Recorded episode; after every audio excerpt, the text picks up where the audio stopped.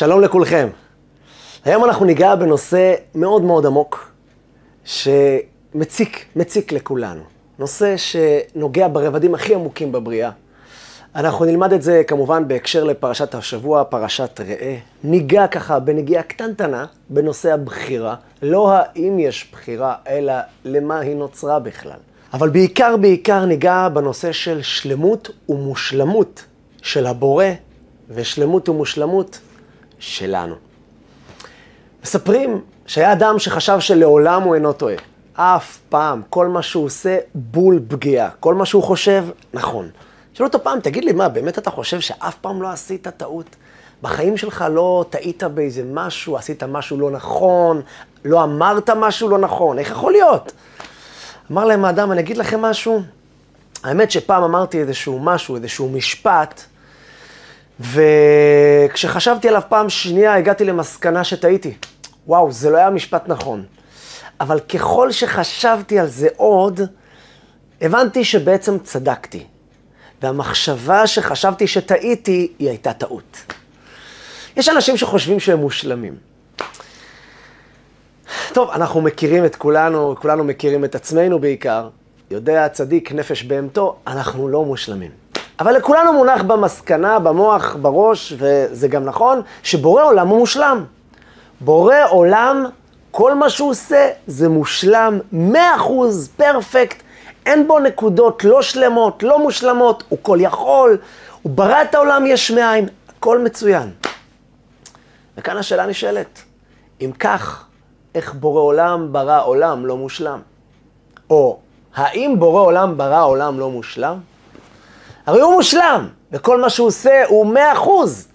האם העולם הוא לא מאה אחוז? העולם הזה נקרא עולם השקר. מה, שקר זה נכון?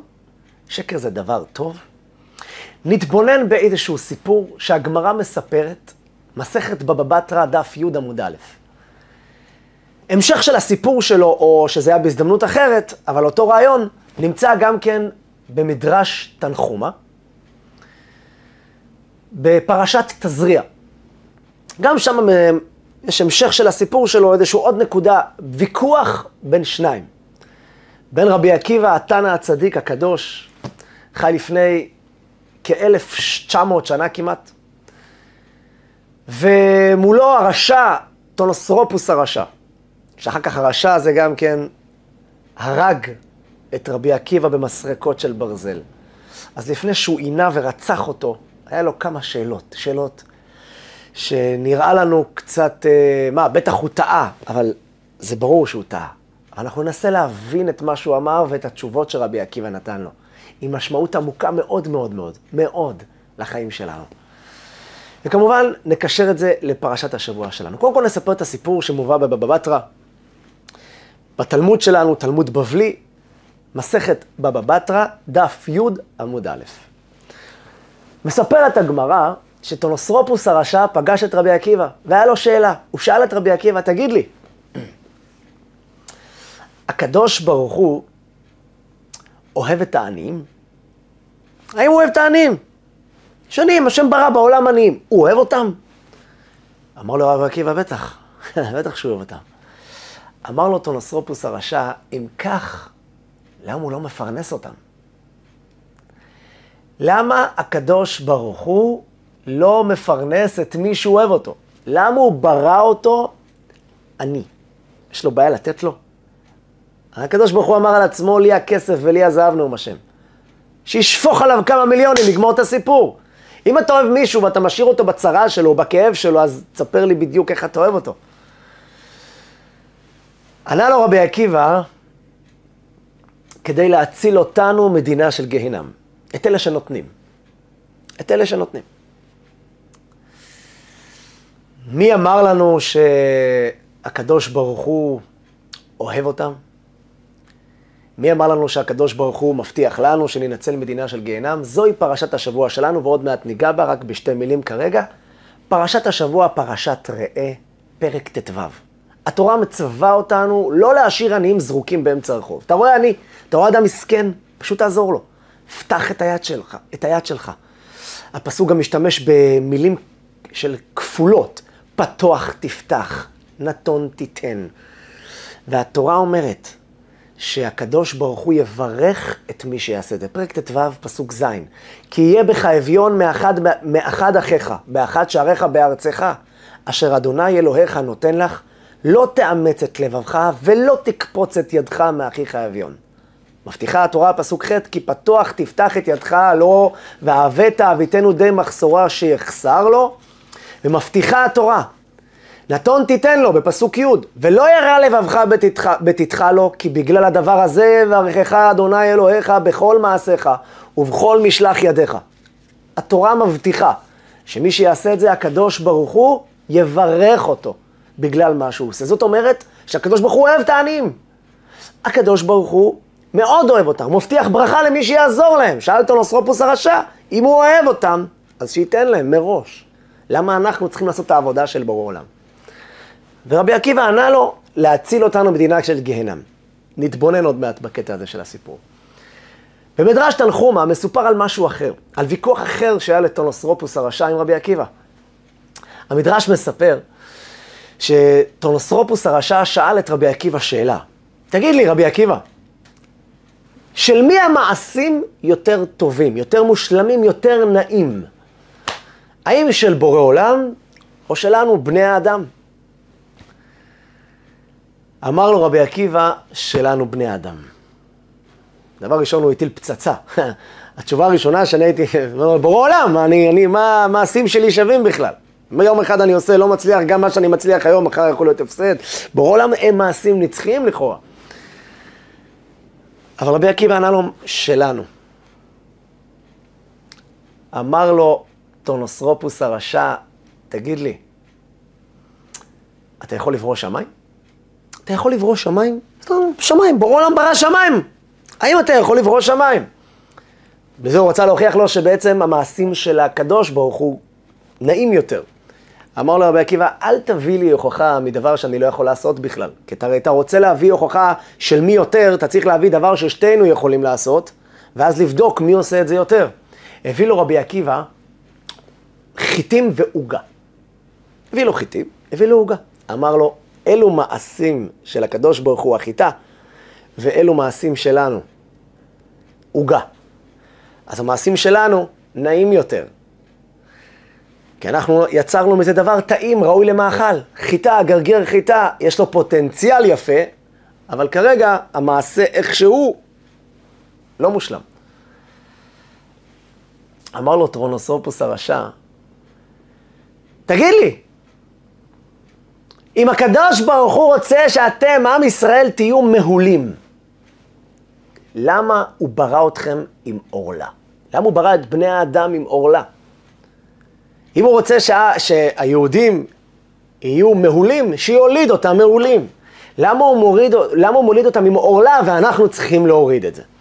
רבי עקיבא אמר לו, אני מיד הבנתי בשאלה הראשונה שלך, שאתה שואל האם המעשים שלנו נעים או של הקדוש ברוך הוא נעים, אתה מתכוון לברית מילה הזאת. אבל כבר עניתי לך על התשובה. מהחיטים והגלוסקה, מהעוגה. אמר לו רבי עקיבא, דע לך, שהקדוש ברוך הוא יכל להוליד אותנו מעולים. מה, יש לו בעיה? הוא הוליד בן אדם, יוליד אותו מעול. הוא רצה שאנחנו נזכך, אנחנו נעשה. אנחנו צריכים להתבונן פה בשאלה או בתשובה, ובעיקר בתשובה. אבל נעמיד את השאלה של טונוסופוס הרשע, שהיא שאלה עוצמתית. הגמרא מביאה את זה לא כ... כי איזה אחד מטומטם שאל שאלה ורבי עקיבא ענה לו. יש פה עומק. כי לא כל שאלה שאיזה רשע שאל, אנחנו צריכים לדון על הסיפור שלו. כי יש פה איזושהי שאלה שאולי גם אנחנו שואלים אותה. הקדוש ברוך הוא ברא עוני, ברא עניים, ברא אנשים שיש להם מזל כזה, אנשים שיש להם מזל כזה. ברא קשיים מסוימים, לכל אחד יש איזשהו דפקט בחיים שלו. אז בואו ניקח את זה במובן הכללי שיש לכולם, כולנו נולדים עם עורלה. ועורלה זה דבר לא טוב, כי השם ביקש להוריד אותה מיד כשנולדים. אז אם זה דבר לא טוב וזה דפקט, אז למה נתת לנו את הדבר הדפוק הזה? אם באמת זהו דבר לא טוב, דבר לא, שהקדוש ברוך הוא לא רוצה בו, אז למה מראש אתה שם אותו, דבר שאתה לא רוצה אותו? והתשובה חדה כתר. הקדוש ברוך הוא לא ברא עולם מושלם. הקדוש ברוך הוא הוא מושלם. הוא ברא עולם חסר. בורא עולם לא ברא שלמות, השם ברא עולם השקר. השם ברא עולם שאפשר לעשות נגדו. זהו לא עולם מושלם בכלל. אולי נראה עוד מעט שאולי זה כן מושלם, אבל השלמות היא החיסרון שהשם ברא את העולם. זה בדיוק הנקודה המרכזית של השם, לכן השם ברא את העולם הזה. תחילת הפרשה שלנו, פרשת ראה, מדברת על הבחירה של האדם. אמרנו שניגע בזה נקודה אחת. לא ניגע האם יש בחירה או אין בחירה בכל הדיון הזה, הפילוסופי, התורני. האם יש בחירה ומי אמר שיש בחירה ומה הדעות בתוך הבחירה, כמה בחירה ועל מה הבחירה. אלא נדון על זה, אבל רגע, בוא נגיד, וזה האמת, שיש בחירה. אבל אנחנו לא מתחילים באותה נקודה. יש אנשים שנמצאים, הקשיים שלהם נמצאים בדיוטה תחתונה, והם מתחילים את הבחירות שלהם ממקום מאוד מאוד נמוך. הם חיו במשפחה מסוימת, במקום מסוים, עם, אה, עם דברים מסוימים שהמלחמות שלהם הרבה יותר מרכזיות וקשות מאשר לי, לך או למישהו אחר, או לא לי, לא משנה כרגע. לא כולנו נמצאים באותה נקודת בחירה, והשאלה היא למה. מה הבעיה של הקדוש ברוך הוא לברוא את כולנו צדיקים? אבל השם לא ברא את כולנו צדיקים. הוא ברא את כולנו עם חסרונות, והחסרונות האלה הם לא פדיחה. בורא עולם לא מפדח בבריאה שלו. ואם הוא לא מפדח בבריאה שלו, אז למה הוא עשה אותם? למה יש את החסרונות האלה? למה צריך לברוא עניים כדי שהעשירים ייתנו להם? ולמה צריך לברוא עורלה כדי שיורידו אותה? וכן על זה הדרך כל דבר ודבר. במאמר מוסגר, אור החיים הקדוש כותב שבעצם הכסף בעולם היה צריך להתחלק שווה בשווה. אבל הקדוש ברוך הוא נתן את זה לעשירים, וברא עניים, כדי שהעשירים ייתנו את החלק ששייך מראש לעניים. כדי שהעולם יהיה חסד, העולם יהיה שלם רק על ידי החסדים שהם עושים אחד עם השני. אז אם העשיר, עד זה שיש לו, לא נותן לזה שאין לו, הוא גנב. אומר האור החיים, הוא פשוט גונב את חלקו של העני. כי העני באמת זה שלו גם. בעצם הכסף של המיליונר היה אמור להתחלק עם עוד אלף אנשים, עם עוד עשר אלף אנשים. אבל זה לא התחלק כך, נתנו לך את החלק של העשר אלף האלה כדי שאתה תיתן, תתרגל לתת. אבל השאלה עדיין בעינה עומדת, זה היה רק מאמר מוסגר. טורנוס רופוס הרשע שואל שאלה עמוקה, למה בראת עולם חסר? או, או שנאמר, שבאמת אל תיגע בזה. בעצם טורנוס רופוס הרשע אמר, למה אתה נותן לעני? אל תיתן לו. זה הרובד העומק הנוסף של טורנוס רופוס. הוא אמר, תשאיר אותו. אתה מאמין באלוקים? אתה מאמין שבורא עולם ברא עולם מושלם, שלם, הכי טוב? למה אתה נוגע בזה? למה אתה מתערב בבריאה של השם? אתה רואה אדם עני? תשאיר אותו עני. זה הרצון של הבורא. תשאיר אותו כך. וטונוסרופוס הרשע הביא לזה משל. הוא הביא משל. משל לעבד של המלך. שהעבד, המלך העניש אותו. ושם אותו בבית האסורים וציווה לא להאכיל ולהשקות אותו. ואחד מאנשי הפקידים, המלוכה, בלי רשות המלך, הגניב לו אוכל ושתייה. וכשהמלך תפס את זה, מה הוא עשה לאותו אחד? הוא העניש אותו בחומרה. אני נתתי פקודה, לא להאכיל אותו. אני הענשתי אותו, הוא מרד בי. הוא עשה איזשהו משהו לא טוב. ואתה מתערב לי בציוויים, בפקודות שלי ומפר אותם? כמובן שהוא העניש אותו בחומרה. הוא אמר לרבי עקיבא, אם ככה, אתם מתנהגים כאותו אחד. הקדוש ברוך הוא נתן עליו את הרצון שלו שהוא יהיה עני. לא משנה כרגע למה, זה הבחירה של בורא עולם. ובורא עולם בחר משהו וזה מושלם לכאורה. מה אתה מתערב לו? אמר לו רבי עקיבא, זה לא דומה המשל, אני אתן לך משל אחר. משל לבן של מלך, שעשה דברים לא טובים למלך, דברים כואבים, מרד במלכות, המלך זרק אותו לבור, ואמר וציווה לא להאכיל את הבן שלו. הגיע אחד מהפקידים, וכן הכניס דברי מאכל לבן. וככה הבן שרד. כשהמלך שמע על זה, הוא שלח דורון לאוהב הזה. הוא לא העניש אותו. בגלל שהמלך באמת בתוך תוכו רצה שהבן שלו יחיה. איך אומרים? הוא חיכה למי שיסרב את הפקודה הזאת. זו פקודה שהוא היה צריך לעשות אותה מכל מיני סיבות. מצד הפקידים, מצד שהעם יראה ויזדעזע ולא יחשוב שאפשר, לא משנה כרגע מה, הוא שמח שהיה אחד שהפר את הפקודה הזאת. הוא אמר לו, ואנחנו נקראים בנים. כמו שנאמר, בנים אתם להשם אלוקיכם. מה הולך פה? מה חשב טונוסופוס הרשע, מה חשב רבי עקיבא? מה חשב טונוסופוס הרשע? פחות או יותר העמדנו את הנושא. גם הסברנו את זה באובן, בשתי הרבדים שלו, שבעצם מה אנחנו בכלל מתערבים לרצונות של השם, ב', האם בורא עולם ברא עולם חסר. אז התשובה שרבי עקיבא ענה לו, וכבר הצלחנו ככה לתת לו איזה לק קטן בנקודה הזאת, כן, בורא עולם לא ברא עולם שלם. הוא ברא עולם חסר. כולנו אומרים בקידוש, בכל שבת, ובכל תפילה בליל שבת שאנחנו מתפללים, אנחנו אומרים, ויחולו השמיים והארץ וכל צבעם. זה בסוף מעשה בראשית, בחומש בראשית. ויכל אלוהים ביום השביעי מלאכתו אשר עשה וכולו, ואז אנחנו מסיימים. ויברך אלוהים את יום השביעי ויקדש אותו, כי בו שבת מכל מלאכתו אשר ברא אלוהים לעשות. מה זה לעשות? בורא עולם גמר לעשות את העולם, אשר שבת מכל מלאכתו אשר עשה, ויברך את יום השביעי ויקדש אותו, כי בו שבת מכל מלאכתו אשר ברא אלוהים ועשה.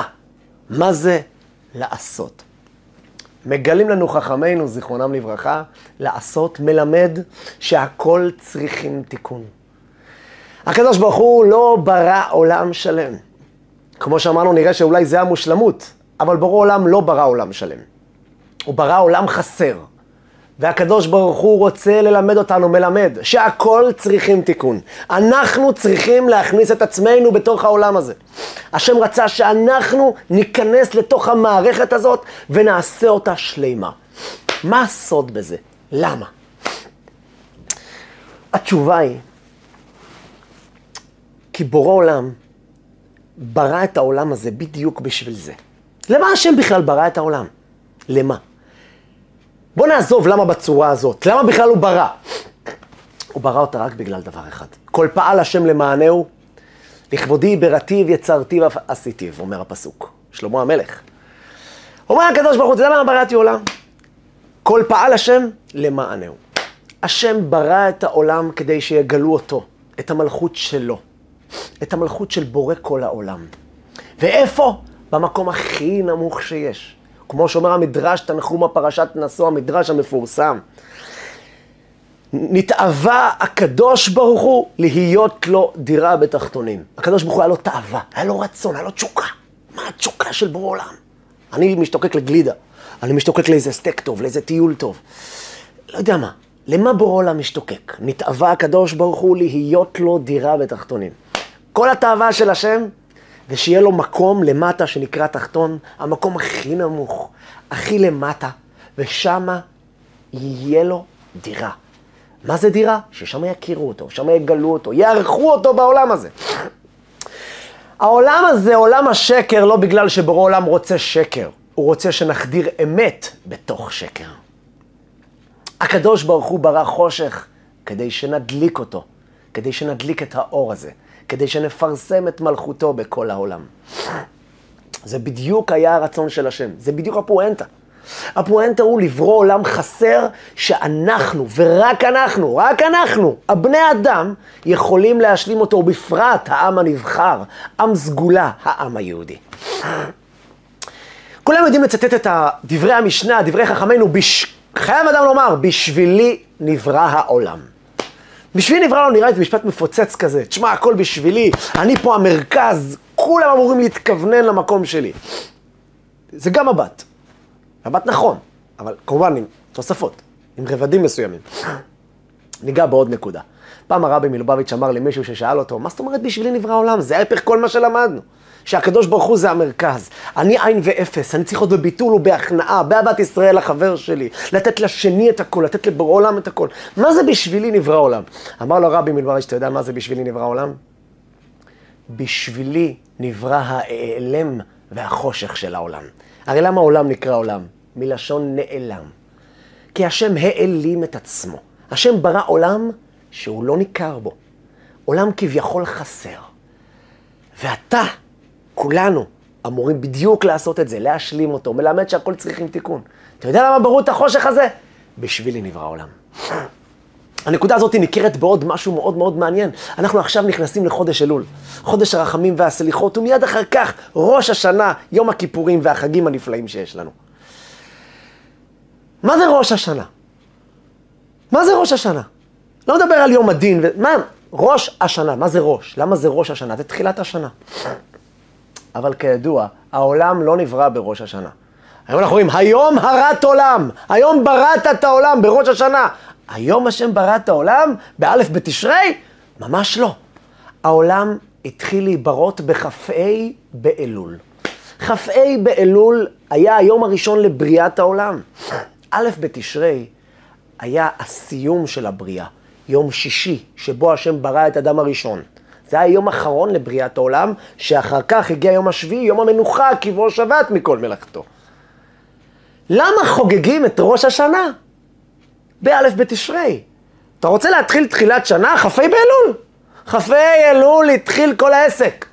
כל בריאת העולם, על כל מרכיביה, עם כל הגן עדן והגיהנום והמלאכים וכל מה שאנחנו רואים פה, בעולם פה שלנו. הוא נברא בכ"ה באלול, לא באלף בתשרי. אז מדוע אנחנו חוגגים את ראש השנה באלף בתשרי? מבואר בתורת החסידות דבר מאוד מעניין. יום כ"ה באלול הוא לא יום לחגיגות, הוא יום לשבת באבל ולבכות על הרצפה. בגלל שביום כ"ה באלול בעצם מה קרה פה? השם העלים את עצמו, השם ברא עולם. עד שהיה עולם היה רק הוא לבדו הוא.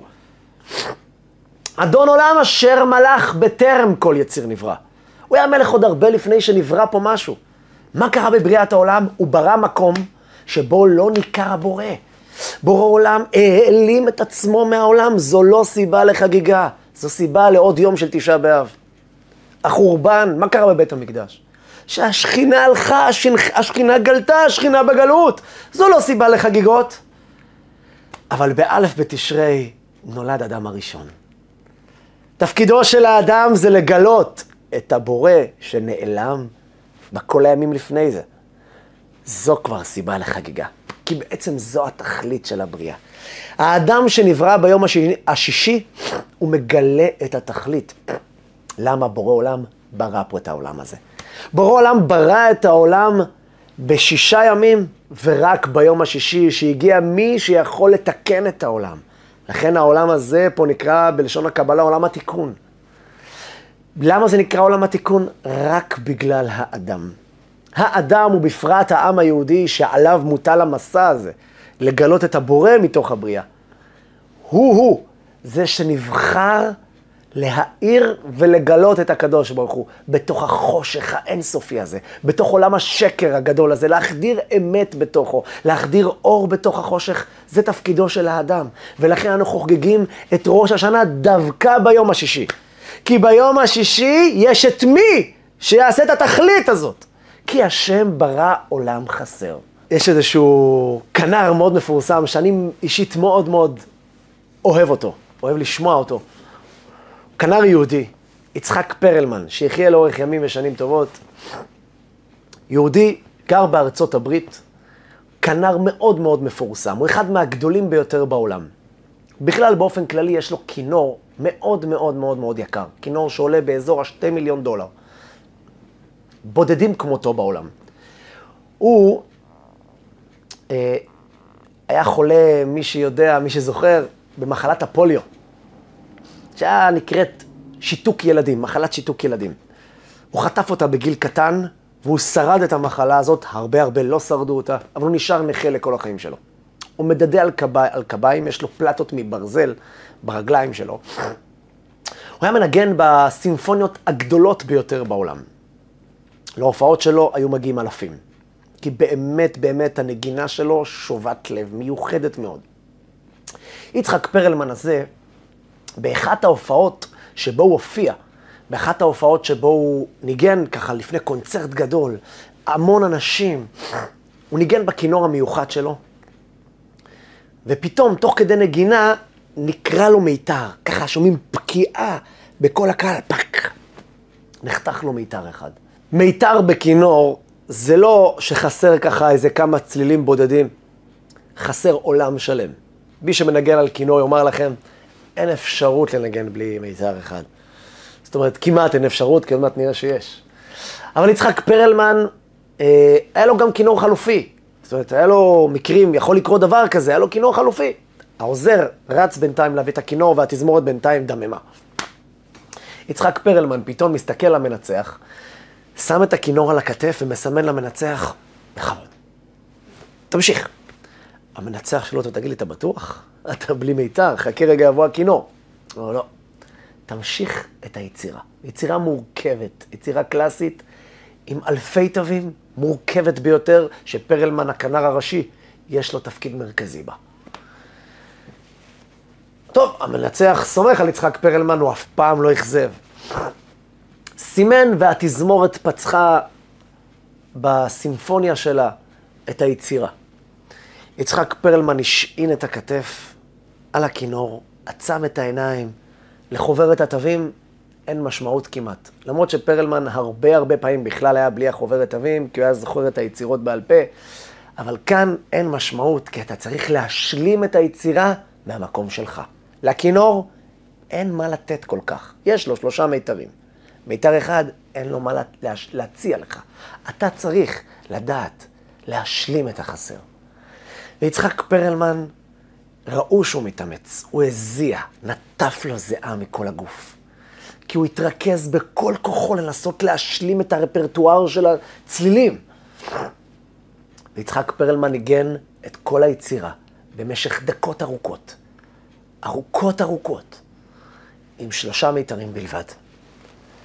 אחרי שהוא גמר את היצירה, הוא ניגן כמו שהוא לא ניגן מעודו. גם מי ששמע אותו עם ארבעה מיתרים, אומר שהשלושה, הפעם הזאת שהוא עשה, היה מושלם המושלמים. ויצחק פרלמן, כשהוא סיים לנגן, הוריד את הכינור ככה, לקח נשימה עמוקה, וכל הקהל נעמד על הרגליים. במשך כמה דקות ארוכות מחאו לו כפיים. כפיים על זה שהצליח לנגן עם שלושה מיתרים בלבד את אחד היצירות המורכבות שהיה באותו ערב. אחרי שדעך קצת ההתלהבות, יצחק פרלמן ביקש את המיקרופון, הוא רצה לומר כמה מילים. הוא אמר את המילים הבאות: כל אחד צריך לנגן עם הכלי שבורא עולם שם לו ביד. זה המשפט שהוא אמר. זה משפט עוצמתי, משפט מדהים. יצחק פרלמן אמר משהו אחד, תקשיבו לי, יקיריי. אנחנו צריכים לדעת לנגן עם מה שיש לנו. ומה יש לנו? שלושה מיתרים בכינור, כינור חסר. לרוץ להביא כינור חלופי, לא חוכמה גדולה. אם שמו לך שלושה מיתרים, מיתר חסר, אתה תהיה המיתר הרביעי. תשלים אותה.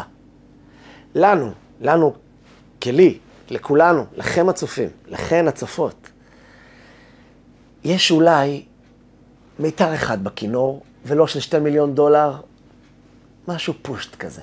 אבל זה לא משנה. בורא עולם שם לנו את הכינור החורק הזה, אבל זה שלנו. הקדוש ברוך הוא ברא עולם שאנחנו צריכים להשאיר את הטביעת אצבע שלנו בתוך הסיפור הזה. בורא עולם לא ברא עולם מושלם, ממש לא. הוא ברא עולם חסר. והעולם החסר הזה הוא השלמות של הבריאה, כי זה התכלית שלשמו השם ברא את העולם הזה. דווקא החסרות שלו, דווקא זה שהוא לא מושלם, זה באמת התכלית של הבריאה כולה. וזה הכי מושלם שיש. אנחנו שאלנו בתחילה על הנושא של טרונוסרופוס הרשע ורבי עקיבא. רבי עקיבא רצה ללמד אותו בדיוק את זה. הקדוש ברוך הוא ברא חיטים, לא היה לו שום בעיה לברות עוגה יפה. הסיבה שהשם ברא דווקא את, ה... את החיטה שאנחנו נעשה ממנה עוגה, הוא ברא אותנו עם עורלה כדי, אה, ולא מהולים, היא כדי שאנחנו נוריד את העורלה ואת הקליפה. זה גם בגלל כדי שהעולם יהיה שלם, שכל אחד ישלים אחד את השני. בגלל שאם לאחד היה הכל, אז בעצם הוא לא היה צריך את השני, הוא היה חי לעצמו כמו זאב או כמו כל חיה שחיה בנפרד מהחיה השנייה. הקדוש ברוך הוא רצה שלא. הוא רצה שאנחנו נהיה נשלים אחד את השני, וכל אחד יצטרך, הטייח יצטרך את הסייד, הסייד יצטרך את החשמלאי, ההוא יצטרך את המייצר מכולות, או את מייצר החשמל, כל אחד יצטרך את העולם הפרטי שלו. בשביל השני. אבל, וזו הנקודה המרכזית, הקדוש ברוך הוא רצה שאנחנו נשים את עצמנו בתוך העולם שלו. הקדוש ברוך הוא, הוא כן מושלם, וזה בדיוק המושלמות שלו, לתת לנו לברוא את העולם מחדש. כתוב בחז"ל שצדיקים דומים לבוראם. מה הקדוש ברוך הוא בורא עולמות ומחריבם? אף צדיקים כן. בורים עולמות ומחריבם. יש לנו כוח לברוא עולם. במילים הכי הכי פשוטות, מי שחושב שרק הקדוש ברוך הוא ברא עולם, היי, אנחנו גם כן בורים עולם. בכל רגע נתון שבו אנחנו מצליחים להאיר את האור של הבורא בתוך העולם, בכל רגע נתון שבו אנחנו מכניסים אמת בתוך השקר הזה, אנחנו גם נהיים סוג של בורא. אנחנו בוראים את העולם מחדש. אנחנו יוצרים את עצמנו מחדש. איזה עוצמה שמה לנו ביד. תראו מה זה, בורא עולם, האין סוף, הכל יכול, ברא עולם חסר, שם לנו את כל העולם בכף היד, בלב שלנו, במוח שלנו, ואומר, תעשה את זה אתה. אנחנו צריכים להשלים את העולם. אנחנו צריכים להחדיר עוד איזה שיעור תורה, עוד הנחת תפילין, עוד איזה מצווה שאנחנו עושים, עוד חיוך לזולת, עוד עזרה ליהודי שני.